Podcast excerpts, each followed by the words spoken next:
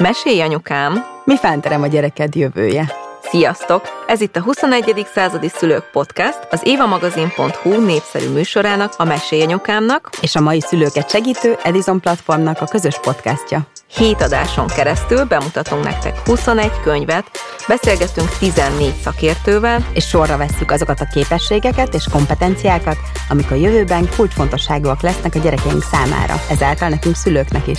Pár lépéssel közelebb kerülhetünk ahhoz, hogy jobban megértsük, mi terem a gyerekek jövője.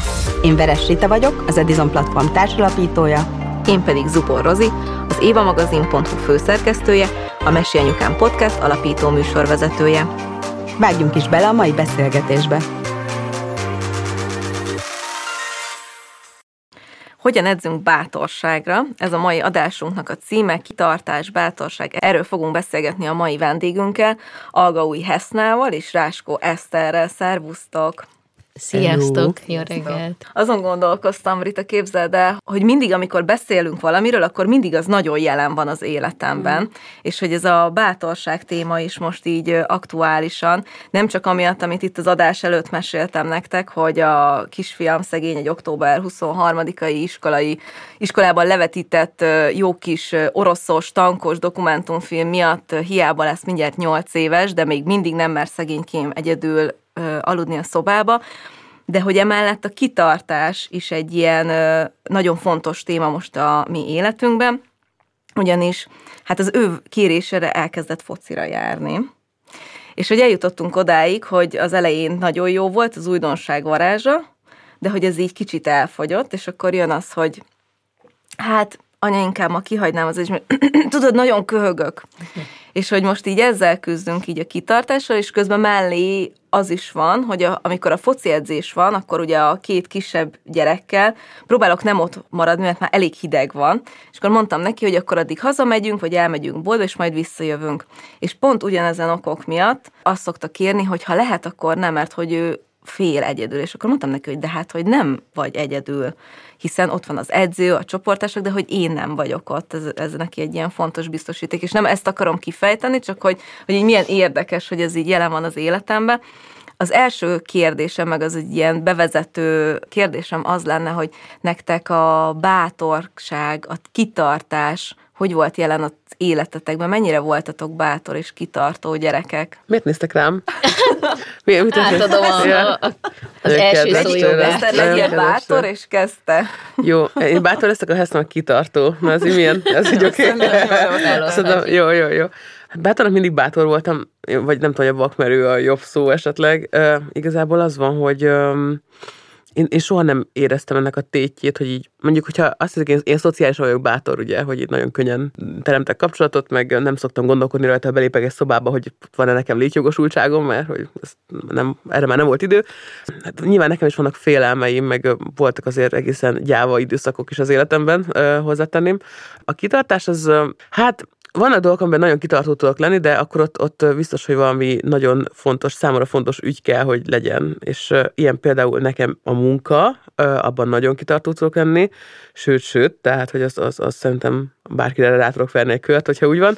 És nem csak a stand volt így, hanem, hanem az előző polgári uh, foglalkozásaim kapcsán is. Magammal kapcsolatban kevésbé tudok kitartó lenni, mondjuk az olyan dolgokat illetően, amik, amik az én érdekeimet, közvetlen érdekeimet szolgálják. Mert olyan vagyok, mint minden főnök, tehát a saját magamtól könnyebben elveszek dolgokat, és odaadom másoknak, hogy jobban működjön a szervezet, mint egy ilyen cégre gondolok, és, és, és és ezt, ezt, ezt most már vettem magamon észre újra, hogy onnan a könny- legkönnyebb elvonni a figyelmet, az energiát, a dedikáltságot, ami, ami, ami nekem tesz jót, és nyilván most életkorilag már abba az időszakban csak hozzátenném, hogy a Heston azért így szóval le 40 esezett engem, ami egyáltalán nem fáj, és így a 30-as éveim derekán, de mindegy, igen, igen, igen. Hogy lehet már nem fogtok találkozni már sajnos egy ilyen csomagtartóan eltűnt a harmadik kerületben. Na mindegy, és szóval, hogy igen, hogy, hogy, hogy most már most az, az az időszak jön, hogy valahogy ebbe egy egyensúlyt kell kovácsolni, mert az elpatkolni nem lehet, úgyhogy ez van. Ez, ez kielégítő ez a, ez a válasz. Jó, nem, köszönöm szépen. A viszontlátásra. Ennyi voltam már. Meghallgatni, szóval, hogy a mondat úgy hangzott el, hogy, mert ugye 40 fölött én magamra gondoltam, de... De rám néztél, de, hogy tudom, hogy ez így... Hát de lehet, hogy egy, egy másik pszichológus is te is az, vagy ö, ö, ezt is tök jó felfejteni, hogy te miért magadra vonatkoztattad ezt. Hát ez nehéz, amikor így a szemedben nézve, aki tudod, így 40 de, de felett. lehet, hogy az életbölcsességed és a tapasztalat, amit sugalsz, az hogy de, hogy velem. Na jó, ebből már nem jövök ki. A kortól félünk. Én nem félek, a kortól nem félek, én akkor az, akkor az jó, megöregedni jó. Az, az sokkal parább, hogy nem öregszel meg, nem? Tehát, hogy így... Uh, igen. Ha már így választani kell. Most az, hogy ráncos leszel, meg szottyat, hát na, több is veszett mohásnál, ha mondani szokták el. Ilyes, tök sok jó dolog vár ránk, plusz mire mi oda jutunk már, hogy nagyon ráncosak leszünk, addigra már különböző ilyen lézertechnikákkal majd olyan feszesre húznak minket, hogy olyat még nem láttál, vagy... Én sem mennék vissza egyébként. Én, én, én annyira hmm. szeretem azt, amiben vagyok. Tehát én azt érzem, hogy minden évvel egyre jobb az Igen. életem, és egyre Igen. több dolog van, ami, ami nekem örömet okoz, és egyre jobban tudom irányítani. Ez egy ilyen MLM rendszer amúgy ez az egész élet, nem? Hogy... De össze is omolhat akkor? Nem, nem, hát minden korábban csatlakoztál, ugye? Több... Ja, igen.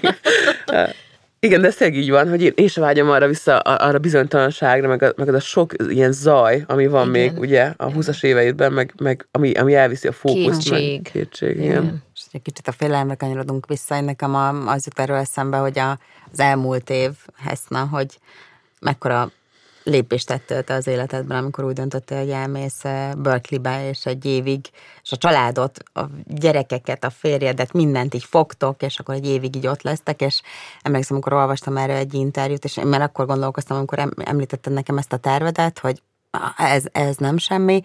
Hogy félelemmel, kitartással, lelki állóképességgel foglalkoztál, és volt egy ilyen mondat, amiben azt írtad, hogy hát igazából a teóriám tesztranya, én magam lettem és magadon élted át a félelmeket, a változásokat, ami történik veled akkor. Szóval a te életedben hogyan van jelen ez a téma? Mint ahogy tudjuk, hogy nagyon. Igen, minden szinten. És valóban, szóval az, hogy kaptam egy ösztöndíjat, és kimehetünk Berkeleybe, és egy ilyen kutatást csináltok, hát ez egy fantasztikus lehetőség, és nem is gondoltam bele abba, hogy ez mennyi kihívással fog járni, mert ez annyira klassz lehetőség volt, hogy, hogy csak a pozitív oldalát láttam sokáig, aztán mikor elkezdődött az egésznek a, a kivitelezése, és jött egy csomó ilyen praktikus nehézség, akkor úgy belegondoltam, hogy hát igen, azért ez sem fenékig tejfel, és kint gyakorlatilag két hónap arról szólt, hogy megalapozzuk az életünket. És ahogy Eszter is mondta, ilyenkor mindig szerintem a legtöbb anya magától vonja el az erőforrást, mm.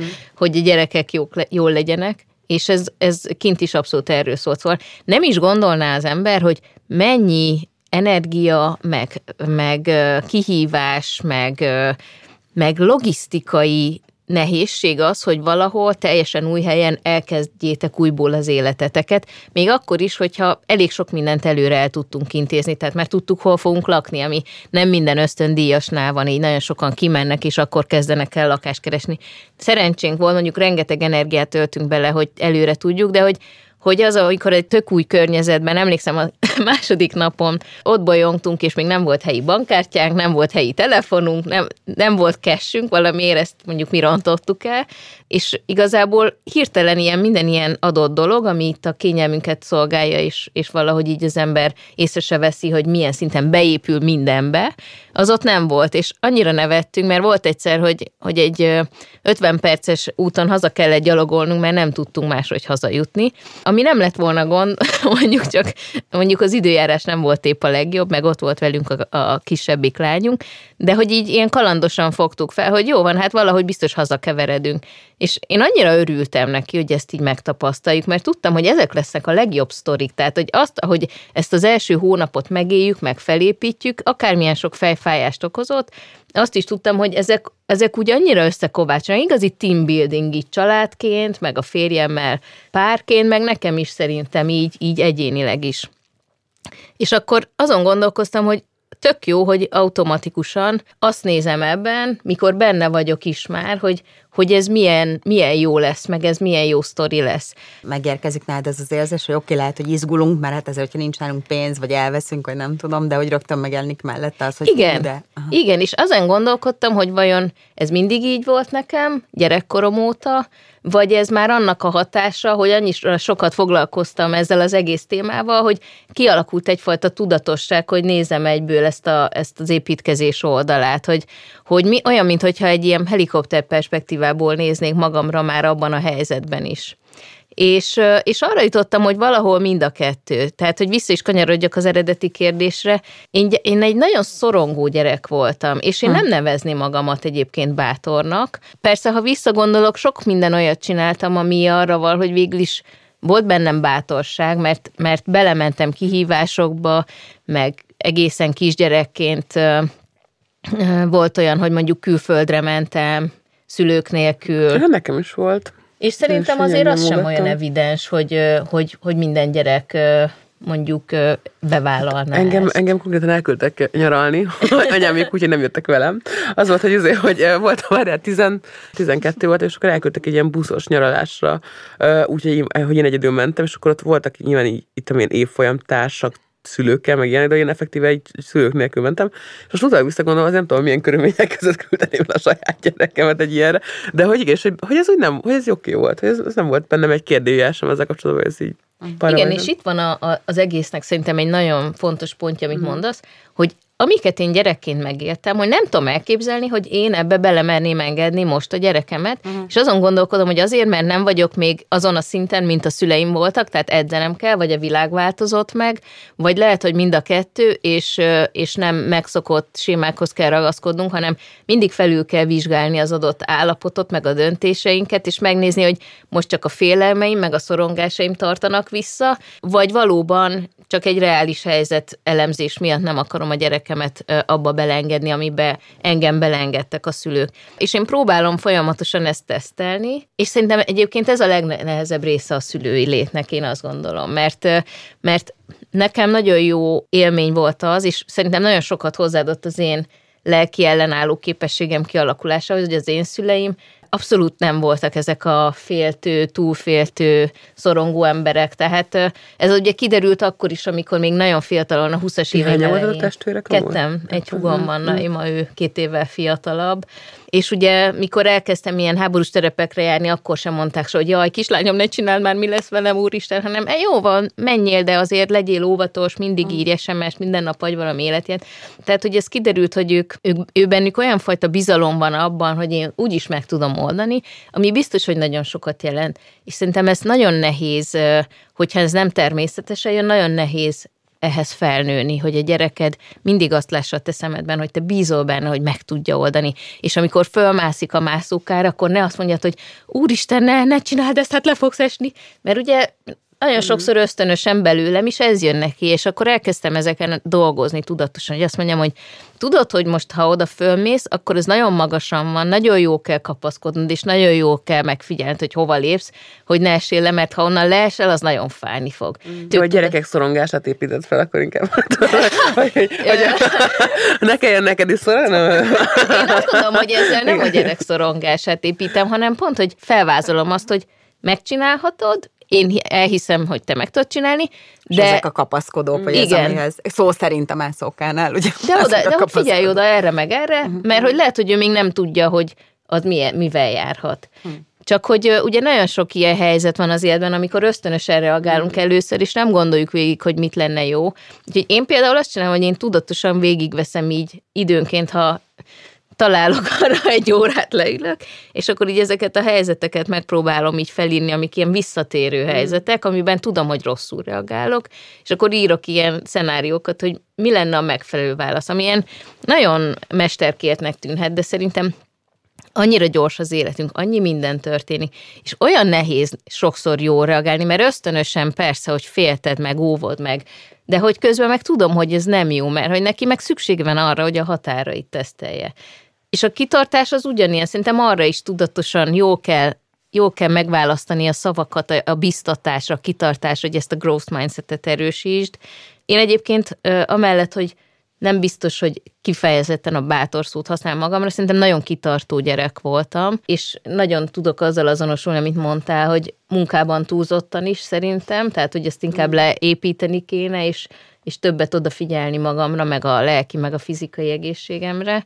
És ez nem tudom, hogy ez ez vajon a, a szülők érdeme, vagy ez, ez sokkal inkább ilyen adottság, de hogy én ezt érzem inkább kihívásnak a mai gyerekeknél ezt erősíteni, mert annyi inger éri őket, és annyira bele nőnek ebbe az instant visszajelzések kultúrájába, hogy szerintem ez a legnehezebb ma a gyerekeket ilyenfajta kitartásra edzeni, hogy ne vonja el az a sok inger, meg az a rengeteg lehetőség a figyelmüket. Hát igen, az, az szerintem nagyon fontos, hogy én legalábbis azt tettem észre magam körül, hogy nálunk ugye meg kell dolgozni azért, hogy ráfigyeljenek, és akkor így, és ez, ez nagyon hamar ugye kihozza így a gyerekekből a, a, hát a küzdeni akarást, és a, akármiért. Tehát, hogy nem tudom, tehát mondjuk hárman voltunk testvérek, tehát ott én vagyok a legkisebb, úgyhogy tudjuk, hogy ez mit jelent, ugye? És, és hogy igen, szóval, hogy így hogy szerintem igen, teljesen más ez a, a mostani társadalom, de hogy én azt gondolom, hogy nem az van, hogy mi lettünk feszültebbek és, és, és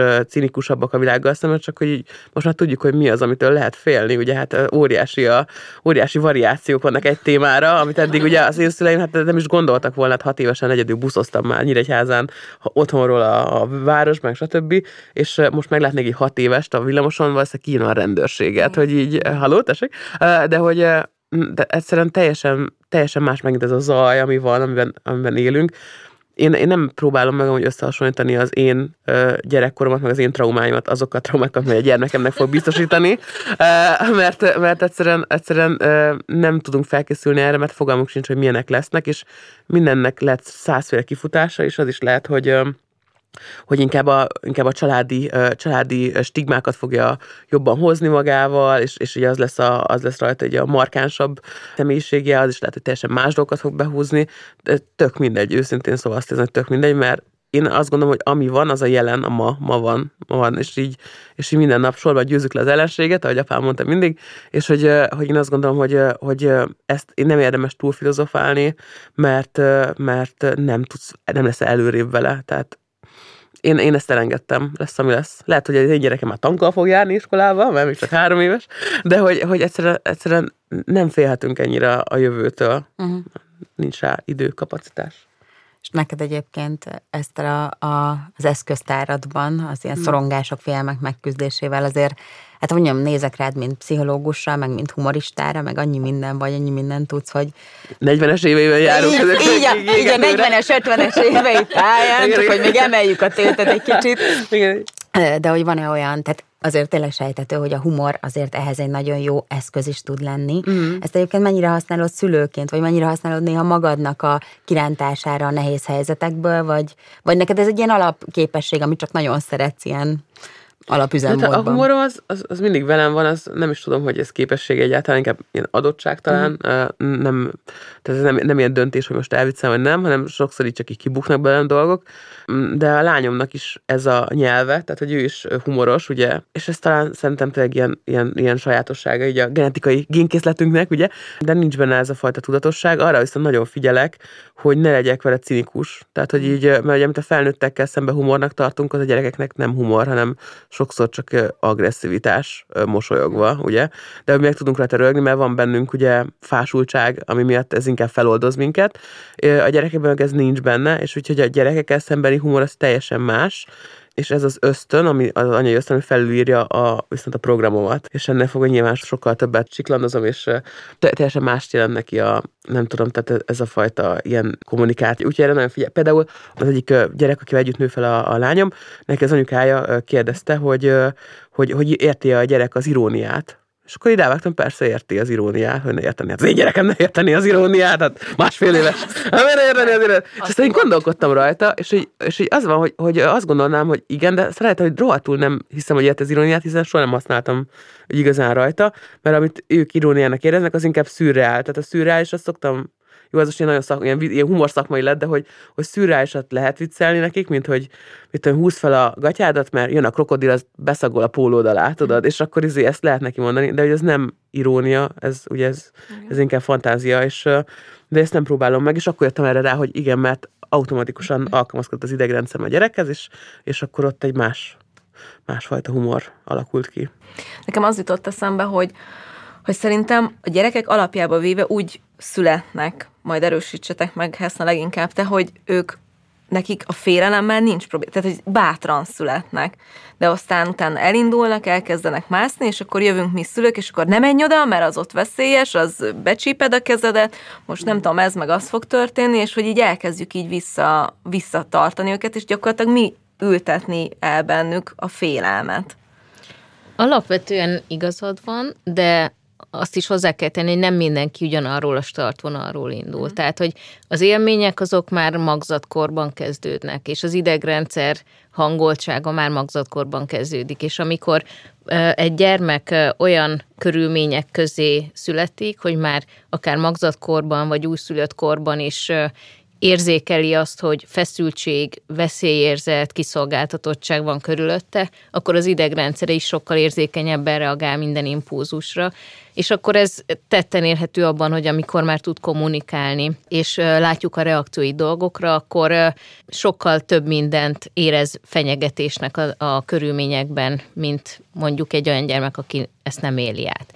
Tehát, hogy ez egy nagyon fontos dolog, hogy azt gondolják nagyon sokan, hogy ó, ő még csecsemő, nem érzékeli azt, hogy ordítoznak a szülei, vagy veszekednek, vagy akár családon belüli erőszak zajlik körülötte. Tehát nem kell az, hogy, hogy egy kisgyermeket konkrétan fizikai bántalmazás érje ahhoz, hogy ő pontosan érezze azt, hogy mi zajlik körülötte. És ugye van a, a félelmi válasz, a, ez a fight or flight, ez a küzd vagy menekülj reakció, de van egy harmadik reakció, és ez a freeze, ez a lefagyás állapota, ami tulajdonképpen arról szól, ilyen YouTube videókban érdemes megnézni, nagyon érdekes, hogy, hogy állatoknál milyen jó tetten érték azt, hogy megy a gazella, fut, és akkor jön a kajoti, és akkor meglátja a kajoti a gazellát, és a gazella lefagy, és, és szinte el is dől, uh-huh. halottnak teteti magát. Aztán oda megy a kajoti, megszagolgatja, és így el is veszíti a vadászkedvét, el, elmegy, elfordul, és felpattan a gazella, és elfut.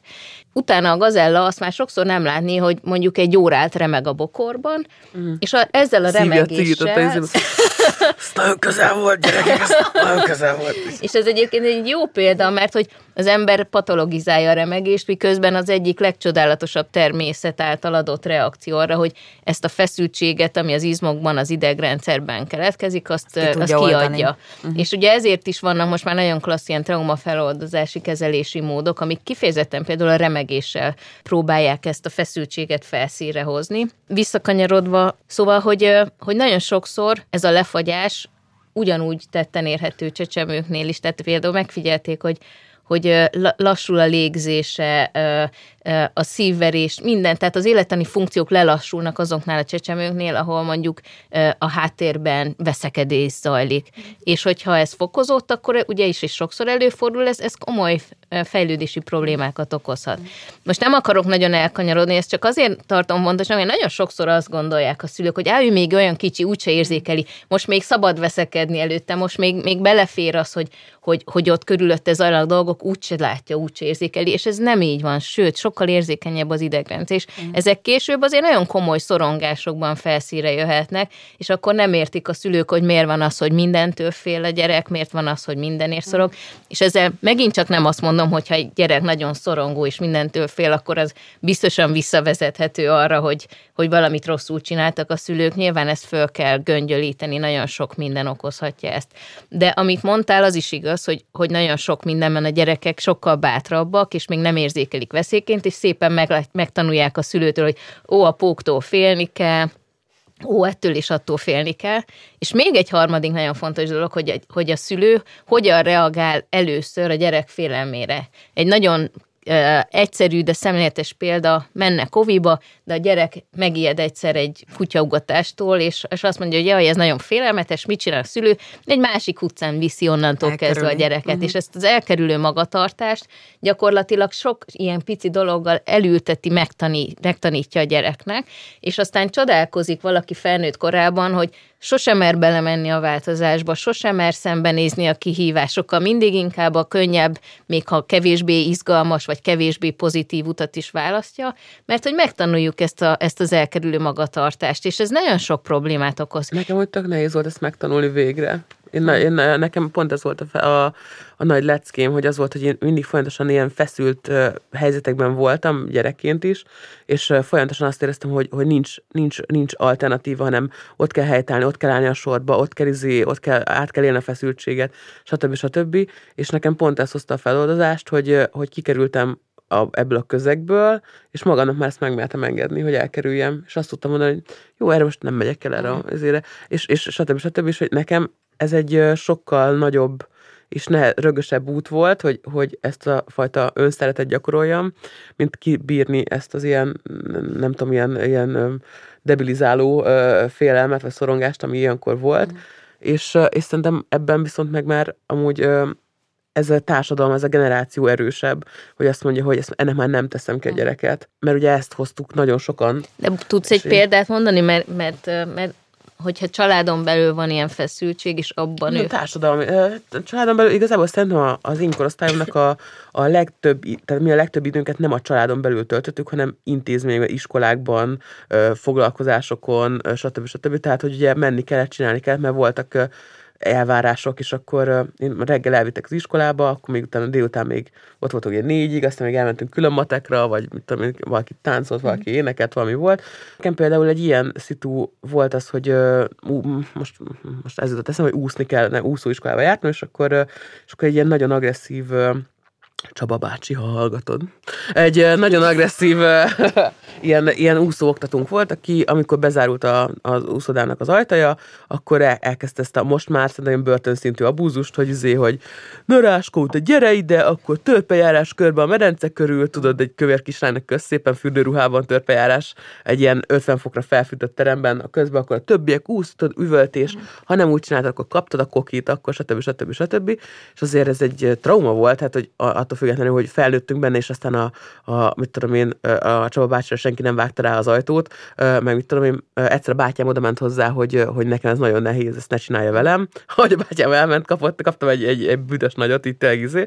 Az van, hogy, és ugye meg is szégyenített cserébe, uh-huh. stb. És hogy így hogy én ebben a helyzetben benne voltam tartva, az volt mondva, hogy nekem ez a feladatom, hogy akkor itt ebben valamilyen módon helytáljak. De várj, akkor... szerintem ezt ne keverjük össze, mert ez, ez, ez abúzus, meg megszégyenítés, ami a legrombolóbb a világon, Ö... és az teljesen más, mint hogy vannak olyan dolgok, amik mondjuk kihívás jelentenek, és akkor a szülő azt mondja, jó van, inkább ne csináld, mert akkor még lehet, hogy itt traumatizál. Tehát, hogy akkor inkább nem egy versmondó versenyre, mert, mert ha izgulsz, hát akkor inkább... Most, én értem, hogy, hogy különbözik, de valahol meg nem különbözik, mert én akkor ezt nem tudtam, hogy az abúzus. Mm. Tehát, hogy ez, hogy ez most így felnőtt fejem utólag újra lehet szálazni ezt a dolgot, de akkor csak azt látod, hogy ez egy foglalkozás, ami mindenki részt vesz, uh-huh. amit, ami mindenkivel így benne marad. és amiben te benne vagy, és amit ugye mindenki ugyanazt vállal. És hogy így, igen, persze, ja, nehéz volt volt, igen. De most akkor tudom mondani ennél könnyedebbet is, mert nincsen abúzus, tehát, hogy ami mondjuk ilyen feszültség volt, ezeket már olyan jól elfolytottam. Most miért ezeket felhozni? Nem, én az, pont azt, azt akartam mondani, hogy azért nagyon sokfajta megküzdés van egy félelemmel, tehát nyilván a fokával, vagy egy, egy nehéz helyzet, amit te mm. leírtál ezt, tehát ez tényleg egy olyan helyzet, amiben nem jó, nem kell szembenézni, mert nem kell benne mm. maradni.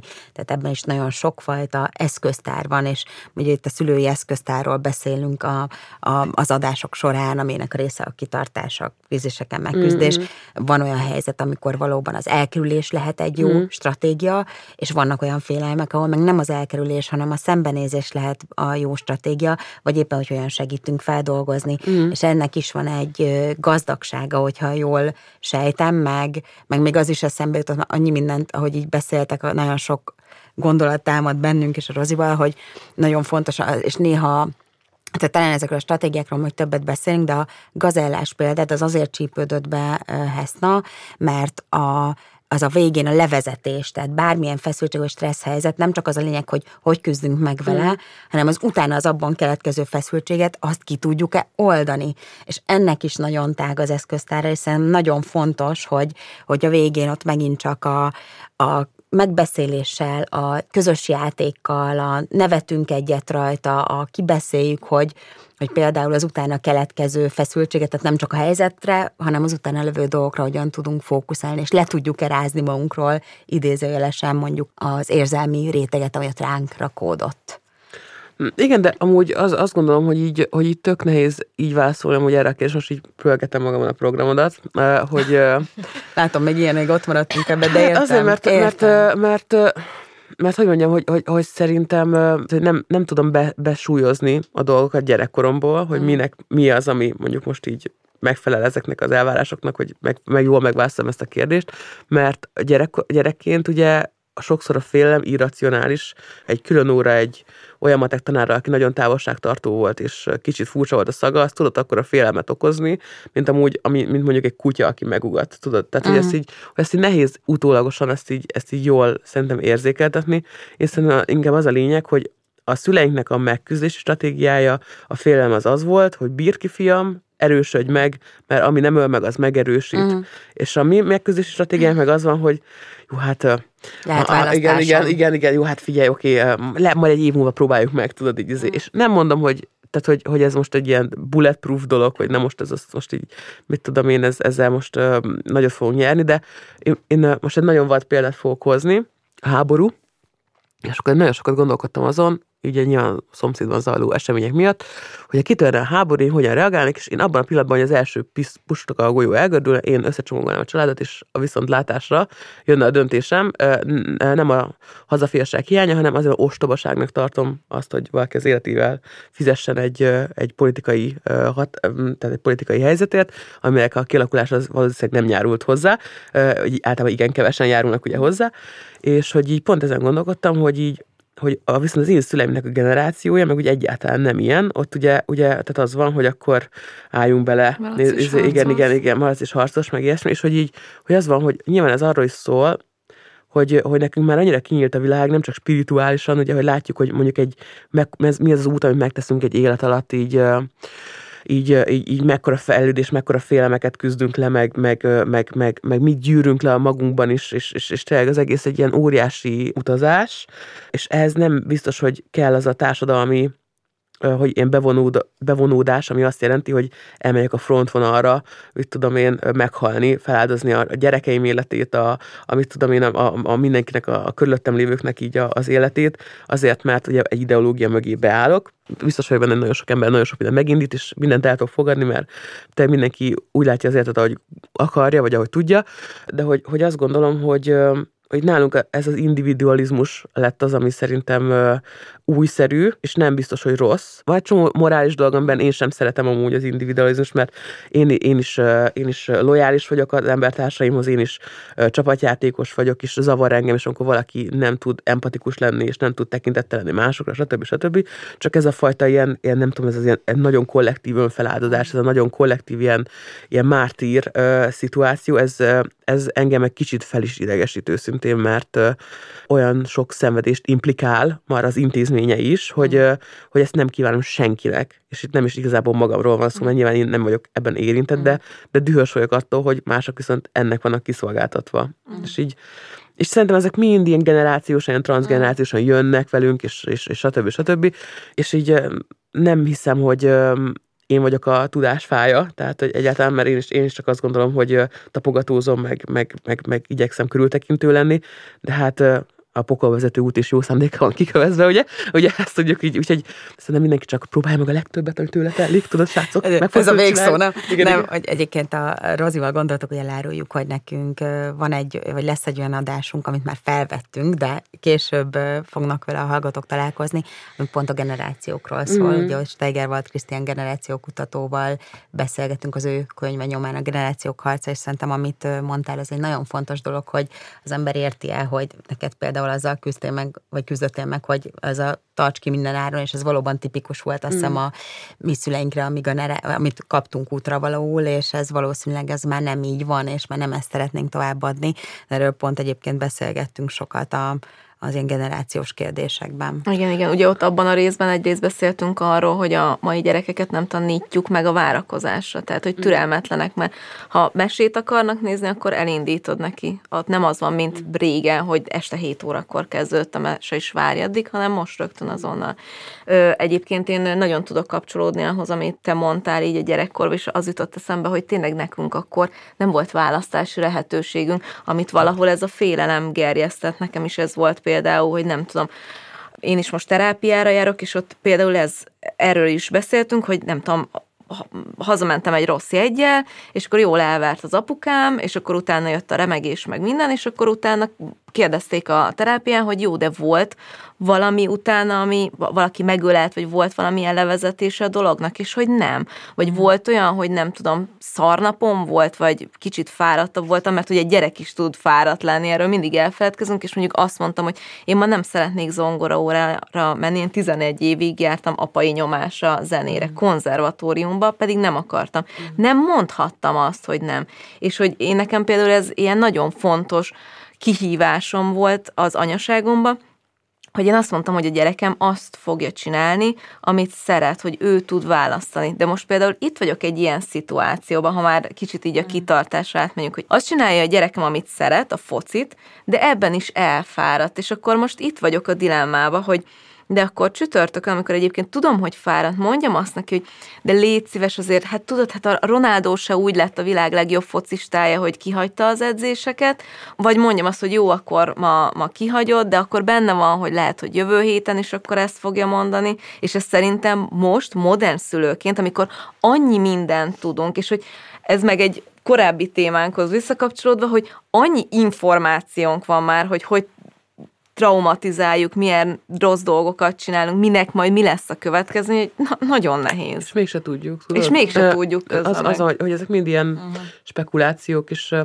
én azt gondolom hogy hogy, hogyha azt, gond, hogy azt gondolod, hogy a gyereked egy olyan tehetség, akit, akit, akivel, akivel egyszer tényleg focista lesz, akkor, akkor, akkor nyilván érdemes vele ilyen különböző módszerek által megszeretetni a, a rendszert, meg, a, meg, meg ezt a fajta kitartást így a sporttal kapcsolatban, de ha csak az hogy sportoljon valamit, meg ilyesmi, akkor, meg, akkor nyugodtan a sportot mást is. Tehát, hogy így én azt hiszem, hogy hogy amikor valaki felnő egy hierarchia elvű családban, és ha jól értem a szavait, akkor nátok ez volt, hogy a faterod volt a, mm. a, a líder, Igen. és akkor, izé, és akkor a félelem, és a távolságtartás, és a, és a büntetés, akkor ezek voltak ugye az eszközök, és ugye ő azt gondolta, hogy ez jó, nyilván valószínűleg a te faterodat is ilyen ridegtartásban nevelték, mert ugye ezzel nem voltak meg az érzelmi eszközei arra, hogy, így, hogy ő hogyan tudjon téged valahogy a medredbe terelni, és ezért te megtanultad az önnyugtatást, és akkor neked lett ugye ez a skillet, hogy te egy erős nő vagy, még ha ezt nem is tudod mondjuk így minden helyzetben átélni, de hogy, de hogy ott rá voltál kényszerítve arra, hogy magadnak igazából te vagy ott, és hogy, hogy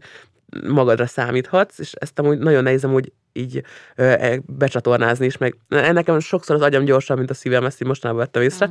és hogy így, és akkor ugye lesz egy szituáció, amikor ugye nyílt, fordított nap lesz, ugye te leszel az édesanyja, és akkor ugye az első ösztönös reakció mindenkinek az, hogy na, bármit, csak azt nem.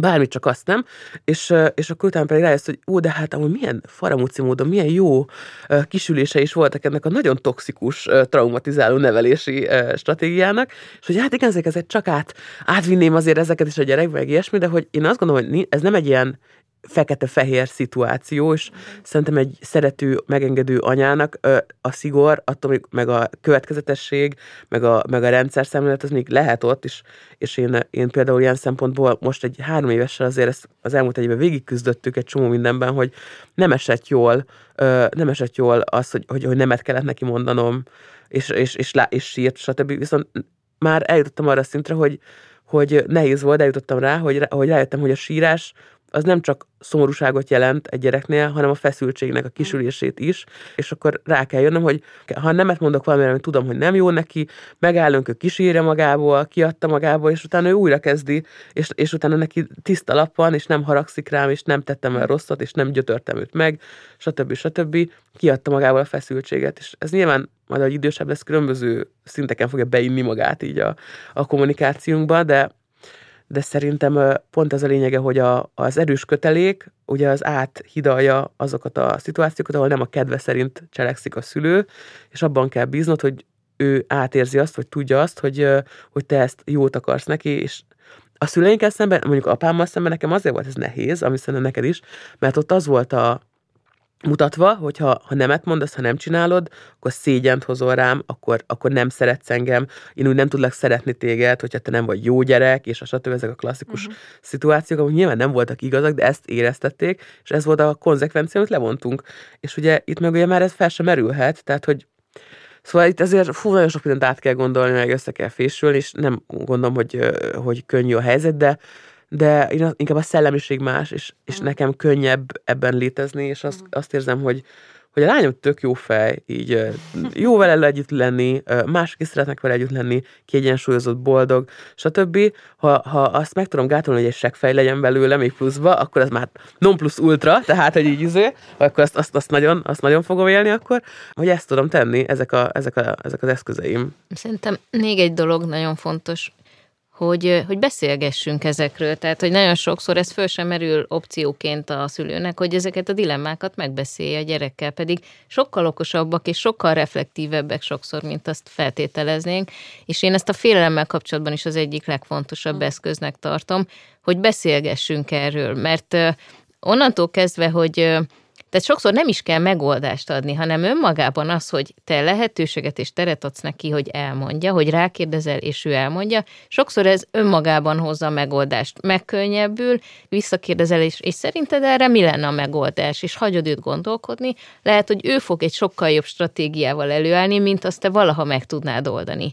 És nagyon sokszor azt látom, és magamon is tettem ére, tetten ére, értem, és még szoktam is, hogy így a saját félelmeimet, vagy úgy általában a félelmeket úgy félve hozom fel, vagy úgy, úgy, úgy nehezen, tehát hogy mindig attól félünk, hogy nehogy traumatizáljam, de hogyha, hogyha megtalálom azt a hangot, meg azt a szintet, ahogy el lehet erről beszélgetni a gyerekkel, én a saját félelmeimet is megoszthatom, sőt, szerintem fontos is, mert hogy a gyerekeknek tényleg elképesztő detektoraik vannak, és amikor te próbálod elnyomni sokszor még magad előtt is, de az is elég, ha csak előtte, és, és úgy csinálni, mintha az nem lenne, ő pontosan érzi, hogy valami nem stimmel, és a gyerekek hajlamosak arra, hogy a szülő félelmeit a saját félelmeiként internalizálják. És nagyon sok példa van erre, kutatások, amik arról szólnak, hogy, hogy aztán a gyerekben nem is igazából az övé, hanem... És, és, ez, és így, hmm. Így mennek generációról generációra sokszor félelmek. Úgyhogy az, hogy a szülő nyilván a gyerek saját szintjén az életkorának megfelelően beszél a saját félelmeiről, az felszabadító élmény a gyereknek, mert akkor úristen, nem kell szégyelnem akkor anya is fél, akkor nem velem van a baj, hogy félek, akkor oké ettől félni, egyből megnyílik, és mer erről beszélni. Mert szerintem ugye a félbátramban, meg a gyerekkönyvekben is ez a legfőbb üzenet, hogy a félelem akkor destruktív, ha szégyen kapcsolódik mhm. hozzá. Ak- akkor építőerő, hogyha észrevesszük, felismerjük magunkon, és elfogadjuk, és tudunk egyfajta más perspektívából nézni. És még egy picit visszakanyarodva ezekre a gyerekkori élményekre, ezért nagyon destruktív az, ami szerintem a mi gyerekkorunkban masszívan történt, és ezért gondolom én is azt, hogy hogy nagyon szorongó gyerek voltam, az én idegrendszerem, az én személyiségem nem tudott mit kezdeni ezekkel a nagyon hierarchikus, megszégyenítésre épülő módszerekkel. Testnevelés órától kezdve nekem is vannak történeteim, amikre így vissza se akarok gondolni. Nekem nagyon pattanásos volt a bőröm gyerekkoromban, és uh, ilyen kiskamaszként, és, és amikor egy tanár még így szóvá is teszi az egész osztályt, hogy már milyen már megint a bőröd tesi órán fú, ezek olyan élmények, amikre tényleg, és, és hetekre magamba zárkóztam, és borzasztó rossz hatással mm. volt rám, és sokszor nem is, nem is ö, vette észre az az oktató, hogy, hogy, hogy mit mond, meg hogy, hogy kommunikál, meg mit okoz. És egyébként ez egy nagyon fontos dolog, amiről nem szabad megfeledkeznünk, hogy akkoriban nem voltak még könyvek arról, hogy hogyan ápold a gyerek lelkét, hogy hogyan építsd a saját önismeretedet, hogyan kommunikálj. Tehát anyukám mindig mondja, hogy úristen, hogy nektek olyan fantasztikus, hogy ilyen, hogy ilyen szülők vagytok, hogy így ezekre a lelki dolgokra er, annyira odafigyeltek, hogy, hogy mennyi mindent lehet, hogy én is másképp csináltam volna annak idején, hogyha lett volna ehhez eszköztár.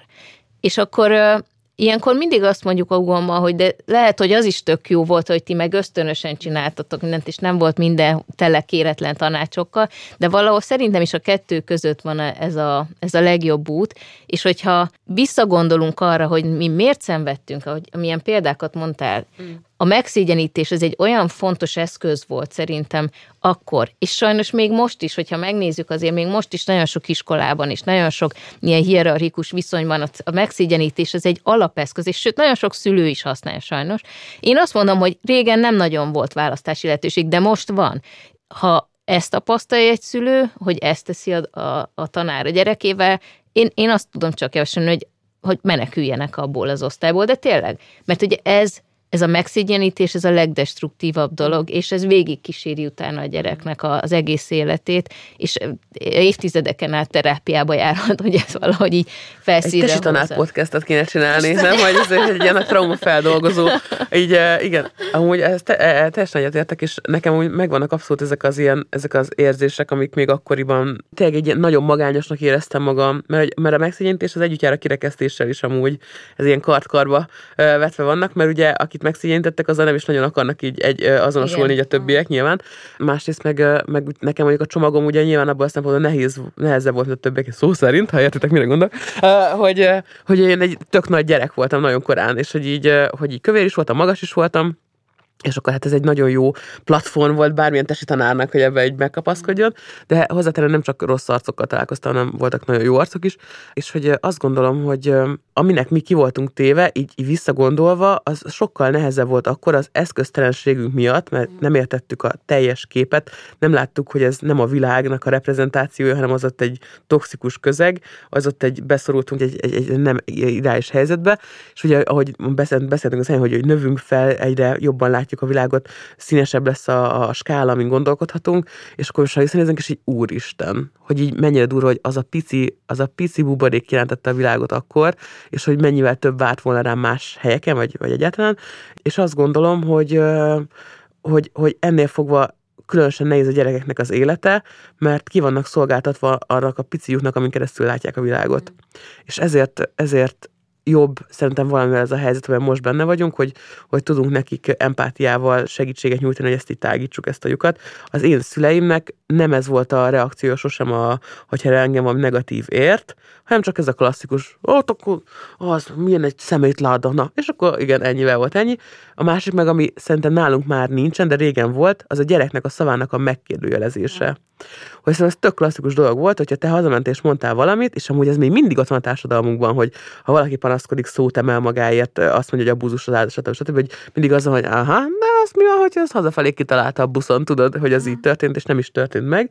És én erre nagyon durán emlékszem, hogy ez hogy nekem nagyon sok ilyen eh, szituáció volt, hogy, hogy hazamentem, elmondtam őszintén, hogy ez meg ez meg ez van, jó, akkor feljó az anyját, és akkor felhívta az anyját, na az a gyerek már mást mondott, na akkor, akkor kinek van igaza? Hát akkor a gyerekek ilyenek. És amúgy ott maradt a, ott maradt a, a bivaj a szobában, hogy hello, de hát itt nekem sérelmem van, és hát itt, most akkor már hazug is vagyok. És nyilván neki könnyebb volt azzal megküzdeni, hogy a gyerekek ilyenek, tehát szülőként ez könnyebb azzal elaludni este, mint az, hogy igazságtalanság érte a gyerekemet, de hogy ha mondjuk az én gyerekemmel történik igazságtalanság, akkor én már úgy vizsgálódok körülötte, hogy akkor hogy van, kik, mi újság van itt ezzel, hogy is van ez, hogy ő látja rosszul, vagy mások, mások nem teljesen, nem tudom, részrehajlóak. Mit tudom én, tehát hogy az egészet annyira korán van még, hogy nekem nagyon nehéz ilyenkor így okosnak tűnnöm, úgyhogy nem mindenki érzi, hogy küzdök ezzel. Uh, szóval, hogy, hogy, ez, hogy ez van, hogy ebben, ebben, ebben szerintem már mi jobbak vagyunk, de nem, nem győzöm hangsúlyozni, hogy a kifutását mi sem látjuk ennek a, a világnak.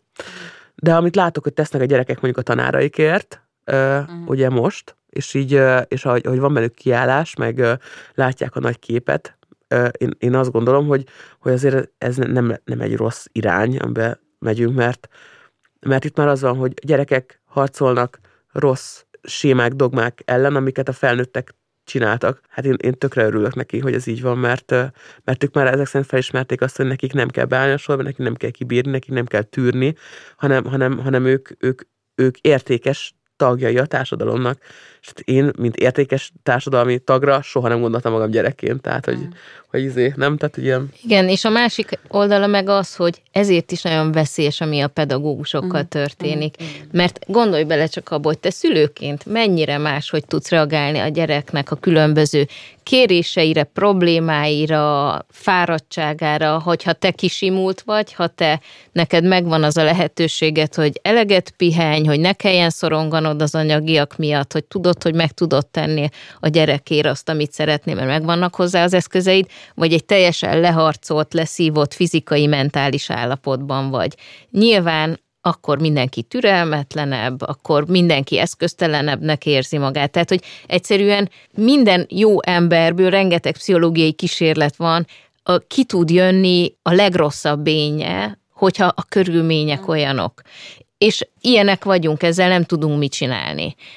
Tehát az, hogy egy olyan oktatást biztosítsunk a gyerekeknek, amiben a pedagógusoknak nem a mindennapokért kell megküzdeni, harcolni, hanem lehetőségük van arra, hogy minden értelemben fizikálisan, mentálisan jó állapotban tudják magukat tartani, ez egyszerűen a, a mi érdekünk a gyerekeink miatt, a gyerekeink érdeke, mert hogy, mert hogy és, és én ezért nem értem azt, hogy ez még, ez miért nem... Röhelyes erről beszélni, hogy nem? Röhely... Igen, a oxigénre van szükségünk a működéshez, igen, nem tudom, hallottátok-e, lélegezzetek, létszes, lé, ez, ez, az, az az egész tényleg a röhelyes, hogy, hogy, hogy, hogy oda jutott el a társadalmunk, hogy, hogy evidenciákat kell magyarázni, igen. és, és ez, ez, ez, ez, hogy ez, hogy, hogy a tanárnak versenyképes fizetés van szükség, szüksége. Hát ezt nem is értem ezt az egészet. A másik amúgy, hogy hogy nagyon sokan azzal érvelnek az interneteken, hogy miért nektek volt olyan tanáratok, akinek szívesen segítenél? Hát nem haver, nem biztos, hogy, hogy e, ebből kéne, tehát hogy nem, nem, ez, a, nem, ez, a, nem ez az információnak a, a, a forrása, hogy, hogy, hogy neked milyen életed volt régen, meg egyáltalán, de hogy nekem hogy volt több olyan tanárom is, aki, aki, aki meghatározó élményem Persze. volt, de még ha nem is volt, akkor is e, ezt kell, hogy érezzük, hogy legyen jó dolog tanárnak lenni, hogy legyen a gyerekeinknek olyan tanára, akinek, akinek van, akinek, akinek biztosítva van a well hogy, hogy ő tudja másoknak is ezt így, ezt így megvalósítani. Hm. Röhelyes, tényleg, én nem, nem, én nem tudok, elfáradtam ebben, hogy hogy olyan embereknek van hangja, akiknek nincsenek, nincs. igen, nincsen, nincsenek, se, de tényleg brutál, és, és meg kell hallgatnod őket, mert erre lettél tanítva, hogy hogy így tiszteld a másikat, és akkor hallgass végig a véleményét, és közben így érzem, hogy így fú, hát srácok, ez, ez kemény. Fú, hát megint egy izgalmas beszélgetésbe kerültünk vele, és Igen, de én még nem szeretném lezárni, mert még egy témát szeretnék, ja, még egy kicsit visszakanyarodva a bátorsághoz és a mesekönyveidhez Heszna, mert hogy engem nagyon érdekel még így a műsor végére az a teória, tévhit, mert nem tudom, erről kicsit beszélgettünk, hogy ugye a fiúk bátrak, a lányok kitartóak. A meséidnek a főhőse lány, és kíváncsi vagyok, hogy miért, hogy miattad, vagy hogy lányos anyuka vagy, és hogy egyáltalán mit gondoltok erről, hogy a fiúk bátrak, a lányok meg inkább kitartóak. Szerintem ezt rengeteg kislány meg tudja cáfolni, hála a jó égnek, és nem volt ilyen szándékom azzal egyébként, hogy, hogy lány legyen a fős ott észre se vettem, és, és ez tényleg ilyen, ilyen tudatalatti, hogy valahol magamat mintáztam meg a fősben, de hát... Igen. Valahol magamat. Egy ilyen, egy ilyen, gyakorlatilag egy ilyen, eh, mi az igazolvány kép van rajta gyakorlatilag a borítón. Hogy, nem, ez, szerintem, hogy egy gyerekkori fordulat, mert konkrétan ezt te vagy. Igen. Okay. És, és egyébként pont azért kezdtem el valahol az egész félelem témával és a szorongással foglalkozni, mert hogy biztosan nekem is rengeteg olyan batyum van még, amit, amit át kell szálaznom, végig kell gondolnom, fel kell dolgoznom. Végül is egy olyan munkát is választottam a 20-as éveim elején, ami azért jó sok ilyen lelki terhet pakolt ö, szerintem rám, és, ö, és közben azt is látom, ö, ugye közben megszületett a, a nagyobbik lányom, és akkor, akkor már írtam a fébátrant, és rájöttem, hogy vele nem tudok beszélgetni a félelemről négy évesen, mert hogy, mert hogy ugyanazt nem mondhatom el, mint a, mint a könyvbe le van írva, hiszen ez felnőtteknek íródott. Át kellett gondolnom, hogy hogyan beszélek erről a témával egy négy évessel, és akkor így jött a Holly a hős ötlete. De rájöttem, hogy végülis de, ugyanazokat kell elmondani a gyerekeknek, és ugyanazoktól a dolgoktól félnek alapvetően, csak a packaging más, hogy máshogy kell becsomagolni, hogy mesébe, történetbe. És szerintem pont ugyanarra a tíz mondatra lecsupaszítható egyébként a, a, a Fébátran és a Holly a hős lényegi mondani valója is, hogy, hogy a félelem az egy evolúciósan fontos érzés, nem véletlenül maradt velünk évezredeken át, segít a túlélésben, segít a megoldásban. Amikor félünk egy-egy helyzet előtt, akkor ne lekapcsolni akarjuk ezt az érzést, hanem arra gondoljunk, hogy ez értünk van. Azért van, hogy remeg a lábam, hogy elkezd lüktetni a szívem, meg dobogni a, a, a halántékom, meg izzadni a tenyerem, mert ez értem van, elindult a félelmi reakció. Vagy mert... szerelmes vagy, ez a másik Hát akkor is félsz, csak akkor mástól. De hogy ez értem van azért, hogy meg tudjak oldani helyzeteket, hogy amikor ki kell állnom egy verset mondani az egész osztály előtt, akkor nem megijedjek ezektől a jelektől, hanem arra gondolok, hogy ez értem van, hogy még jobban teljesítsek. És amint egy gyerek megérti azt, hogy normális dolog félni, hogy ez nem ciki, nem gáz, ez azért van, hogy te ügyesebb legyél, és ez egyébként a felnőtteknek is egy fontos mondani való, hiszen a felnőttek ugyanúgy megijednek ezektől a szimptomáktól.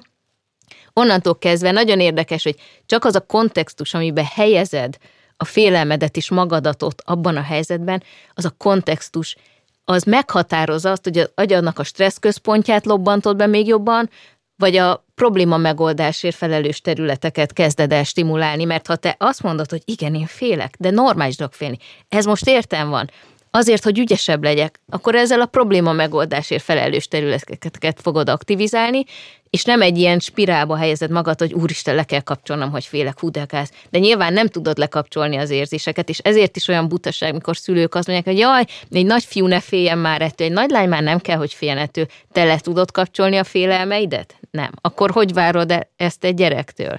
Szóval, hogy fogadjuk el, hogy a félelem mindig jogos, a félelem mindig egy jelzőrendszer. Az arról szól, hogy valami kapacitás hiányod van, vagy lehet, hogy az önbizalmad azzal a kapacitással kapcsolatban nincs meg. Nem értek egy egyet. Na, ezzel. mondjad. Az a helyzet, ha valaki volt már pánikbeteg. De az más, és, a más a pánikbetegség.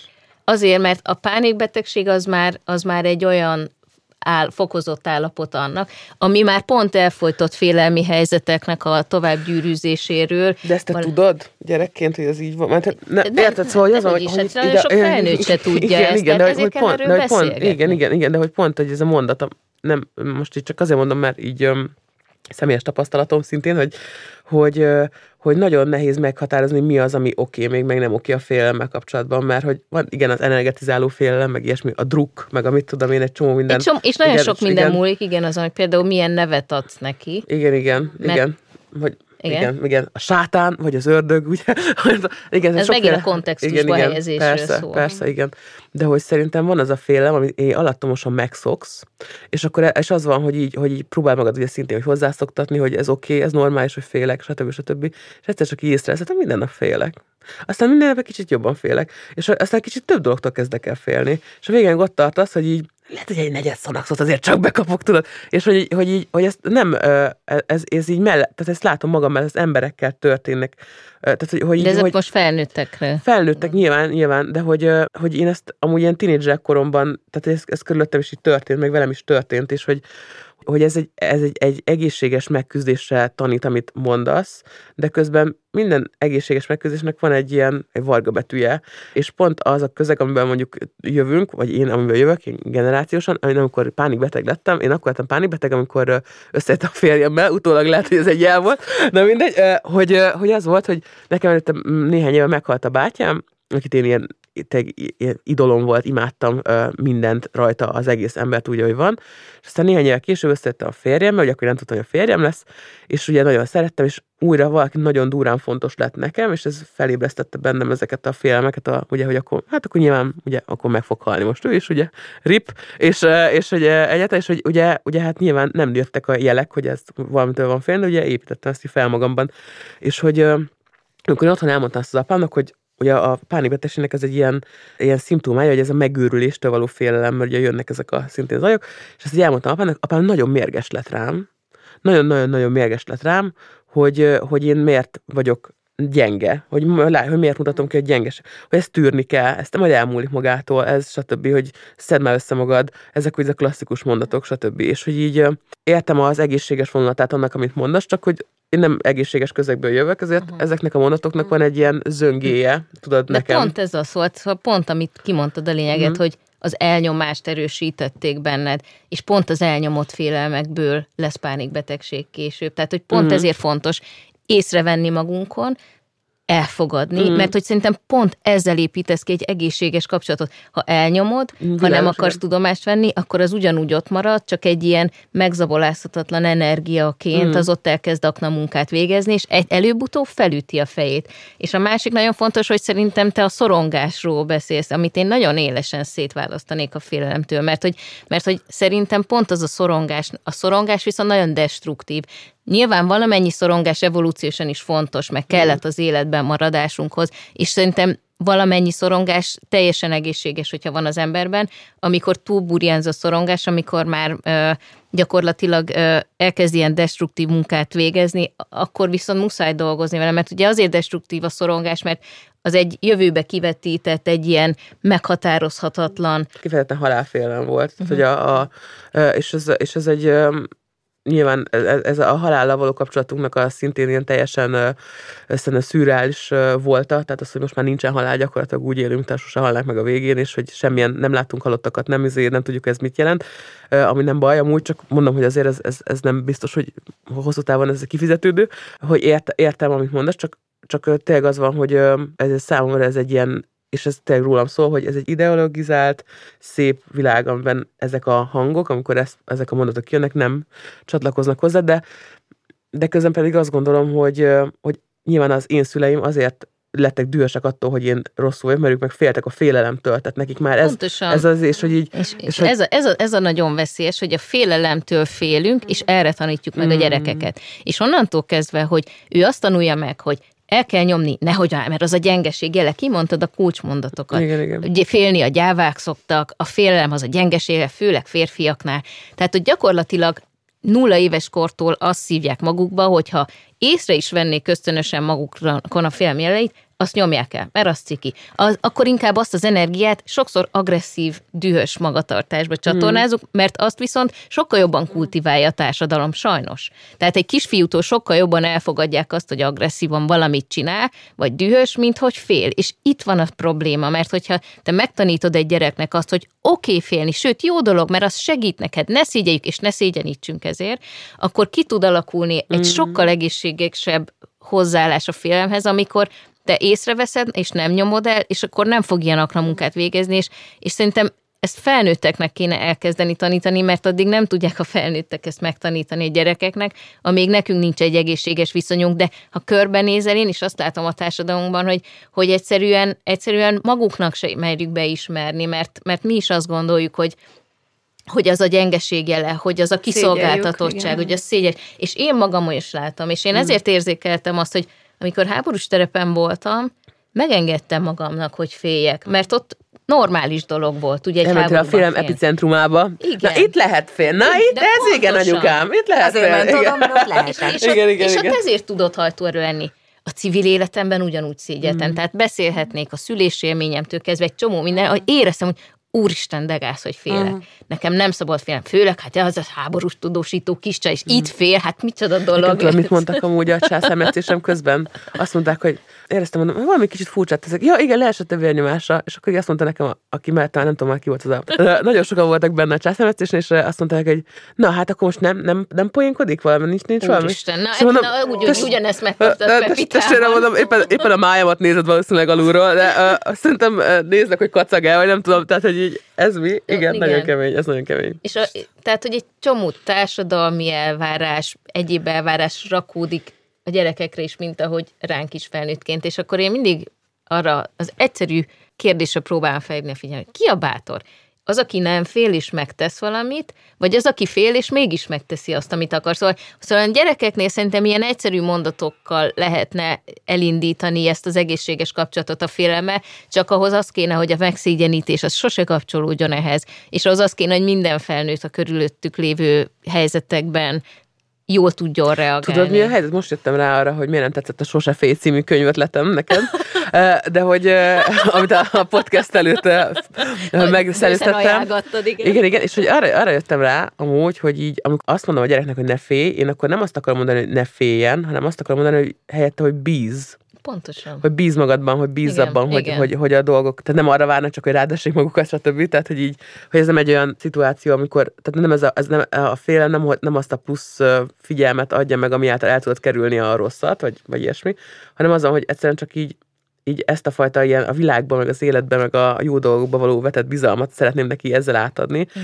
És nem tudom, hogy a nyelvezet, amit használok, az egészséges, vagy jó el tudod, mert azért egy, ennyi tudatosság szerintem hétköznapokban ritkán van jelen. De. Na ezért szoktam én leírni ezeket, mert Aha. nincs ott, mert nagyon nehéz egyébként, és még így is. Pedig egy ilyen kihelyettesítés, mm, az vagy- hosszú távon az egyszerűen ég és Igen, a bíz, a bíz magadban, a bíz Igen, magad, én, de ez olyan érdekes amúgy, hogy minek milyen hangzása, és sose felejtem el azt, uh, majd akkor, mint ez ilyen, izé, mindenki uh, ilyen nagy monológokkal jön, bocsánat, nem tudom, hogy ezt milyen lesz hallgatni, de ne féljetek, na, szóval Ne féljetek, most egy hosszabb történet féljetek. következik, hogy, hogy jártam tranzakcionalizis képzésre, és akkor ott az volt, hogy azt mondta nekem a fickó, ugye az is friss apuka volt, tudom, nem tudom hány éves gyereke volt, és ugye azt mondta, hogy ő az önbizalmát a gyereknek ilyen én üzenetekkel próbálja meg növelni, és azt mondta neki, de azt mondta, minden, hogy a gyereke csinált valami jót, vagy valami, valamiben sikeres volt, vagy valamiben, tehát, hogy, hogy, hogy teljesített, akkor azt mondta neki, hogy na, ezt magadnak köszönheted. És akkor így ültem, de zsik, és, hogy, és, hogy ez, és hogy ő ebből annyit hallgati, hogy ne azt, ne azt, azt akarták átadni, hogy ne a másokra hagyatkozzon, a, a, hogy onnan szedje be az elismeréseket, hanem magából. Magá. De hát ugye ennek ugye szintén van egy ilyen nagyon Igen, durva, igen. toxikus izé, gondolat. Igen. És azon gondolkodtam nagyon sokat, hogy ez azért van, mert mi abból a társadalom, a generációból jövünk, ahol a magadnak köszönheted, az által soha semmi jót nem jelent, vagy pedig, vagy pedig, vagy pedig ő, tehát hogy, hogy ez egy, egy nagyon érdekes dolog, és ez majd még eszembe szokott jutni, nem? Hogy vajon odahajolnál az öt éves lányot. Na, Ezt magadnak köszönheted. Magadnak köszönöm. Biztos. magadnak köszönhet. Igen. Hát, az, Szóval, a, az a baj, hogy, hogy nekem is annyi minden jut eszembe, még annyi mindenről tudnánk beszélgetni, szerintem még egy két órát tudnánk itt. mi ez most két óra volt? Hát majdnem. Igen, szóval, hogy még nagyon sokáig tudnánk erről beszélgetni, de nagyon-nagyon hálásak vagyunk, hogy eljöttetek, és ezeket így elmondtátok. Ezt magatoknak köszönhetitek. Ezt, ezt magunk, egyrészt magunknak köszönhetjük, igen. Másrészt tényleg milyen érdekes, hogy hova érkeztünk el a beszélgetés végére. Itt izgalmas volt a ti párosotokat. Mi néha tényleg csak így hallgattuk, ahogy így a félelem kapcsán jó, rossz, mi történik, most nagyon leegyszerűsítve, de érdekes, hogy ez hova jutott, és átkereteztük egy bíz bennem költői részre. Bíz magadban. Bíz Ba? magadban, bocsánat. Igen.